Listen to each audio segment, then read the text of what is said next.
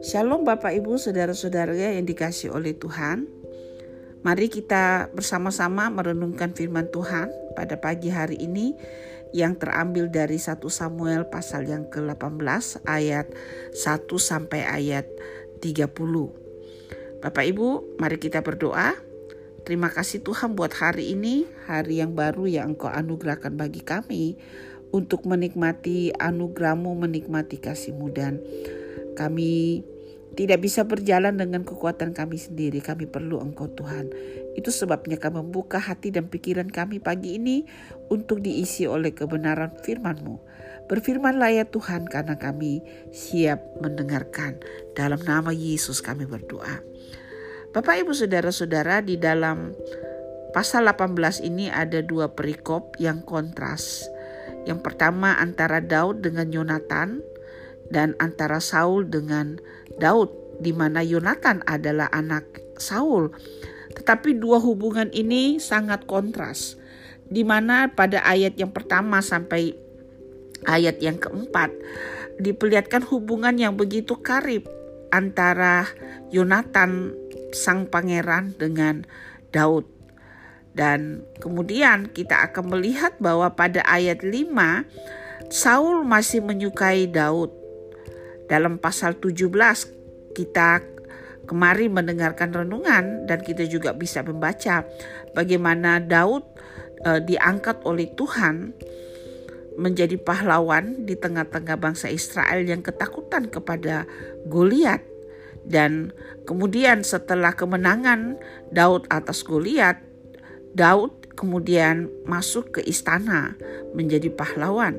Dan di dalam bagian ini di dalam pasal 18 Yonatan tidak menganggap Daud sebagai saingannya tetapi dia melihat roh yang sama antara dirinya dengan Daud yaitu roh yang takut akan Tuhan roh yang mencari pertolongan kepada Tuhan. Dan walaupun mereka berbeda secara sosial, Daud hanya seorang penggembala, Yonatan adalah seorang pangeran. Dan kemudian dari segi usia mungkin mereka berbeda beberapa tahun.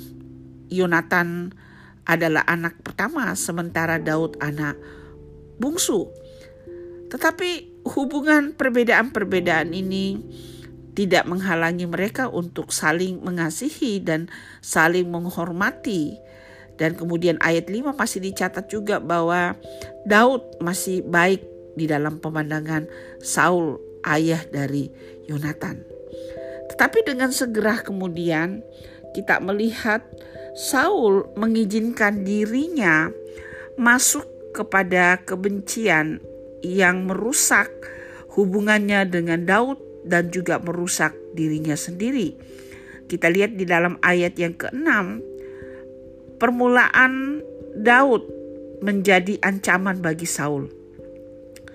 Tetapi pada waktu mereka pulang, ketika Daud kembali sesudah mengalahkan orang Filistin itu, keluarlah orang-orang perempuan dari segala kota Israel menyongsong Raja Saul sambil menyanyi dan menari-nari dengan memukul rebana dengan bersukaria dan dengan membunyikan gerincing. Dan perempuan yang menari-nari itu menyanyi berbalas-balasan katanya, Saul mengalahkan beribu-ribu musuh, tetapi Daud berlaksa-laksa. Inilah yang membangkitkan rasa tidak aman dari Raja Saul kepada Daud, bahwa Daud bukan lagi semacam pahlawan, tetapi dia menjadi ancaman bagi tahtanya. Saul tidak pernah tahu bahwa Daud itu sudah diurapi oleh Samuel sebagai pengganti raja masa depan dari Israel. Dan Daud pun tidak pernah menunjukkan atau memberi isyarat bahwa dia menganggap enteng Saul. Daud tidak pernah menunjukkan seperti itu. Saul hanya dikendalikan oleh rasa benci, rasa tidak aman, rasa iri hati. Dan hari ini kebenaran firman Tuhan yang saya ingin Bapak Ibu renungkan bersama-sama dengan saya adalah pentingnya kita menjaga hati. Hati-hati dengan hati kita. Karena dari hati kita lah akan tercermin siapa kita dan akan membawa nasib kita di dalam kehidupan kita sehari-hari. Saul adalah raja yang awalnya sangat dibanggakan oleh orang Israel dalam perawakan dia sangat tinggi, dia tampan, tetapi kemudian rasa tidak aman pada dirinya sendiri membuat dia menganggap orang yang lebih dari dia itu menjadi saingan. Ayat 18 dikat, ayat 8 dikatakan lalu bangkitlah amarah Saul dengan sangat. Bapak Ibu, kemarahan itu adalah emosi yang wajar tetapi hal dikuasai oleh amarah, oleh kemarahan, itu tidak wajar dan itu tidak sehat. Firman Tuhan mengingatkan kita untuk menjadi orang yang memiliki penguasaan diri, dan ini sangat efektif sampai saat ini. Bahwa pengendalian diri akan membawa kita aman, membawa kita memiliki hati yang bersih, dan kemudian kita tidak diracuni oleh prasangka-prasangka kita atau kebencian kita. Saul dalam hal ini tidak menerapkan disiplin rohani seperti itu, penguasaan hati, penguasaan kendali kepada emosi. Dia mengizinkan kemarahan karena dia merasa disaingi orang memuja-muja dia hanya membunuh beribu-ribu musuh, tetapi Daud berlaksa-laksa, dan ini menjadi ancaman bagi dia, sehingga dia merasa marah sekali kepada Daud yang tidak tahu apa-apa. Dan perkataan itu bahkan menyebalkan hatinya. Sebab pikirnya kepada Daud diperhitungkan berlaksa-laksa berpuluh-puluh ribu, tetapi kepadaku hanya diperhitungkan beribu-ribu. Jangan-jangan nanti dia akan jadi raja.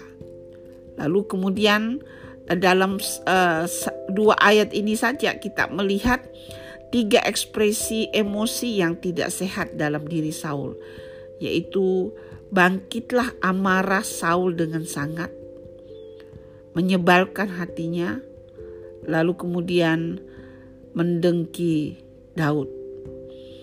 Lalu Bapak Ibu saya ingin melihat uh, kita melihat ayat yang ke-10 keesokan harinya roh jahat yang daripada Allah itu berkuasa atas Saul sehingga ia kerasukan di tengah-tengah rumah. Sedang Daud main kecapi seperti sehari-hari.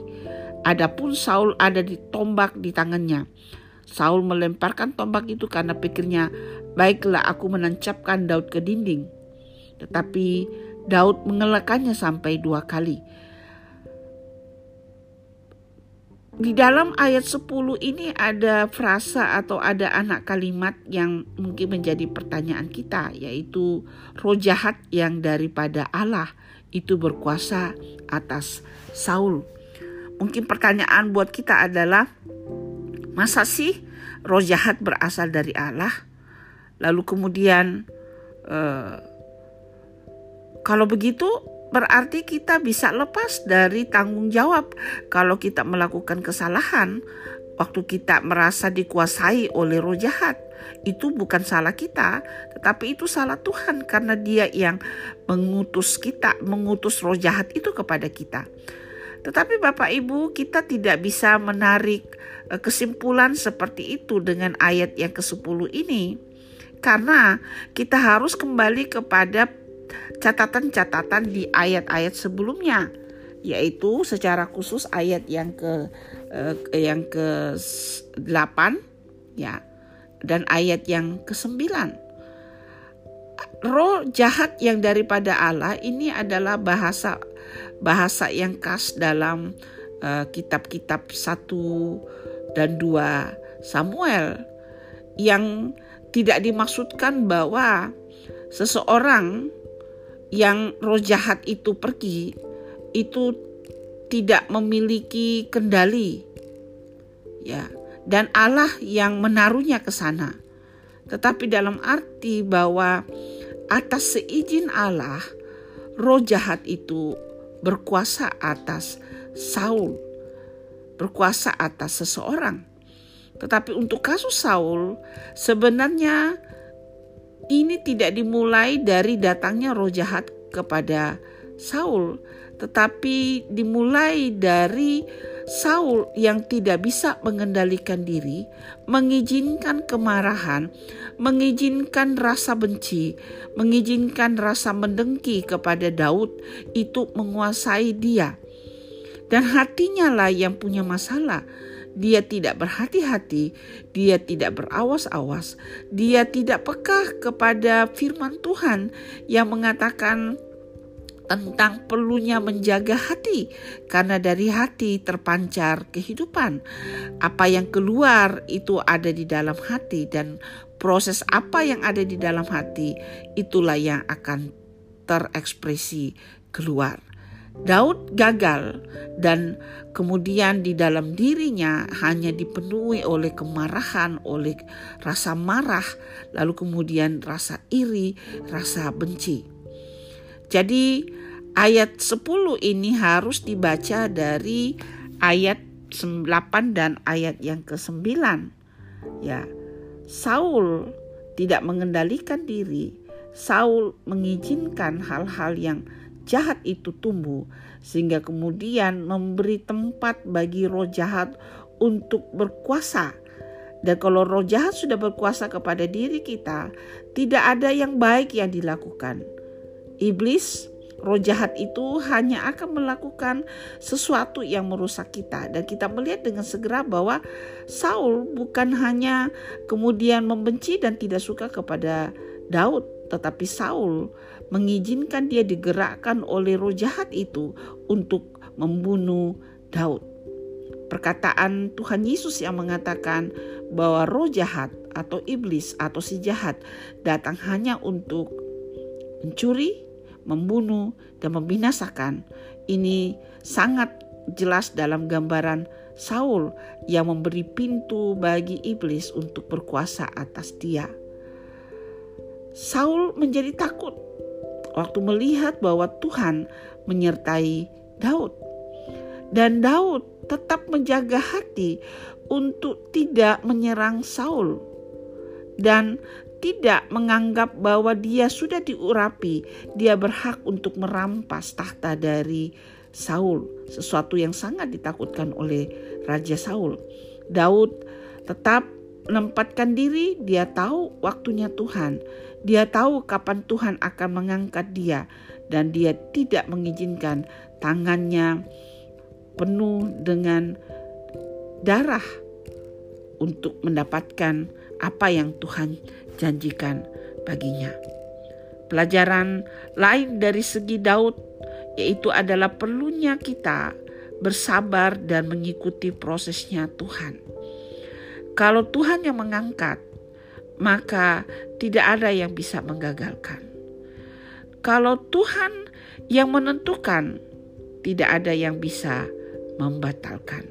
Dan ini kiranya menjadi renungan kita dalam minggu-minggu ini Mari kita menjaga hati kita sedemikian rupa, tidak dikendalikan oleh emosi-emosi yang bersifat negatif, sehingga supaya roh jahat tidak memakai itu untuk merusak kita, merusak hubungan kita dengan orang lain, bahkan merusak hubungan kita dengan Tuhan. Kiranya Tuhan menolong kita, kita menjadi seperti Daud yang menjaga hatinya sedemikian rupa dan mengizinkan proses Tuhan terjadi kepada hidupnya. Adakah Bapak Ibu yang sudah bergumul sekian lama untuk sebuah kerinduan yang tentunya baik dan sampai hari ini belum dikabulkan? Biarlah apa yang terjadi kepada Daud ini menjadi rema buat kita, menjadi berkat buat kita. Bahwa kita mau menunggu waktunya Tuhan. Kita mengizinkan Tuhan membentuk kita di dalam sebuah proses yang bukan hanya membawa kita kepada sebuah tujuan, tetapi di dalam proses itu karakter Tuhan, karakter ilahi diciptakan, dibentuk di dalam diri kita dan itu yang terpenting. Hasil bukanlah yang terpenting, tetapi proses itu yang terpenting. Karena betapa menyedihkannya jikalau kita untuk mencapai sesuatu, kita mengizinkan diri kita menjadi monster di dalam proses itu. Mengizinkan hati kita menjadi jahat. Mengabaikan kebenaran firman Tuhan untuk mencapai itu. Dan proses itu bergerak kepada masa depan. Dan apalagi yang banggakan waktu kita mencapai apa yang kita capai. Tetapi kita sendiri tidak melihat sesuatu yang baik di dalam kehidupan batinia kita. Tetapi kalau kita mencapai sesuatu dan mengizinkan proses yang Allah izinkan, kita mungkin harus bersabar, kita mungkin harus mengendalikan diri, kita harus menunggu waktunya Tuhan. Tetapi kita mengizinkan karakter ilahi, manusia ilahi di dalam batin kita itu dibentuk maka waktu kita mencapai goal itu, kita adalah orang yang paling berbahagia. Karena kita mencapai itu di dalam sebuah hubungan yang benar dengan Tuhan. Saya berdoa kiranya Bapak Ibu yang mendengarkan firman Tuhan hari ini memilih untuk menjadi Daud, tidak dikendalikan oleh emosi-emosi yang meletup-letup. Dan mengizinkan hidupmu dibentuk oleh Tuhan untuk apa pun yang terjadi kesulitan apa pun yang terjadi, disalah mengerti, dibenci oleh orang-orang di sekelilingmu, atau apa pun yang engkau tahu bahwa ini adalah sebuah salib yang saya harus pikul menjadi sebuah proses supaya hidup saya menjadi berkenan di hadapan Tuhan. Bapak Ibu, saya berdoa kiranya Tuhan menolong kita sepanjang minggu ini. Kita mengembangkan manusia ilahi di dalam diri kita dengan belajar untuk berkata, Tuhan, aku mau mengikuti prosesmu. Tolong aku ya Tuhan. Tuhan memberkati Bapak Ibu Saudara-saudara. Mari sekali lagi kita berdoa memohonkan pimpinan Tuhan sepanjang hari ini. Tuhan kami bersyukur untuk firman-Mu yang memperlihatkan kami betapa kami harus menjaga hati kami dengan segala kewaspadaan karena kami tahu waktu kami menjaga hati kami, kami diselamatkan dari apa yang merusak, apa yang merusak hubungan kami dengan orang lain, merusak hubungan kami dengan Engkau, bahkan merusak citra diri kami. Itu tidak terjadi ketika kami mengikuti pimpinanmu. Tuhan berkati semua kami, kiranya kami hidup di dalam perjalanan terus bersama dengan Engkau, mengikuti prosesmu dan menunggu waktumu. Terima kasih Tuhan, dalam nama Yesus kami berdoa. Amin. Selamat pagi Bapak Ibu, Tuhan memberkati.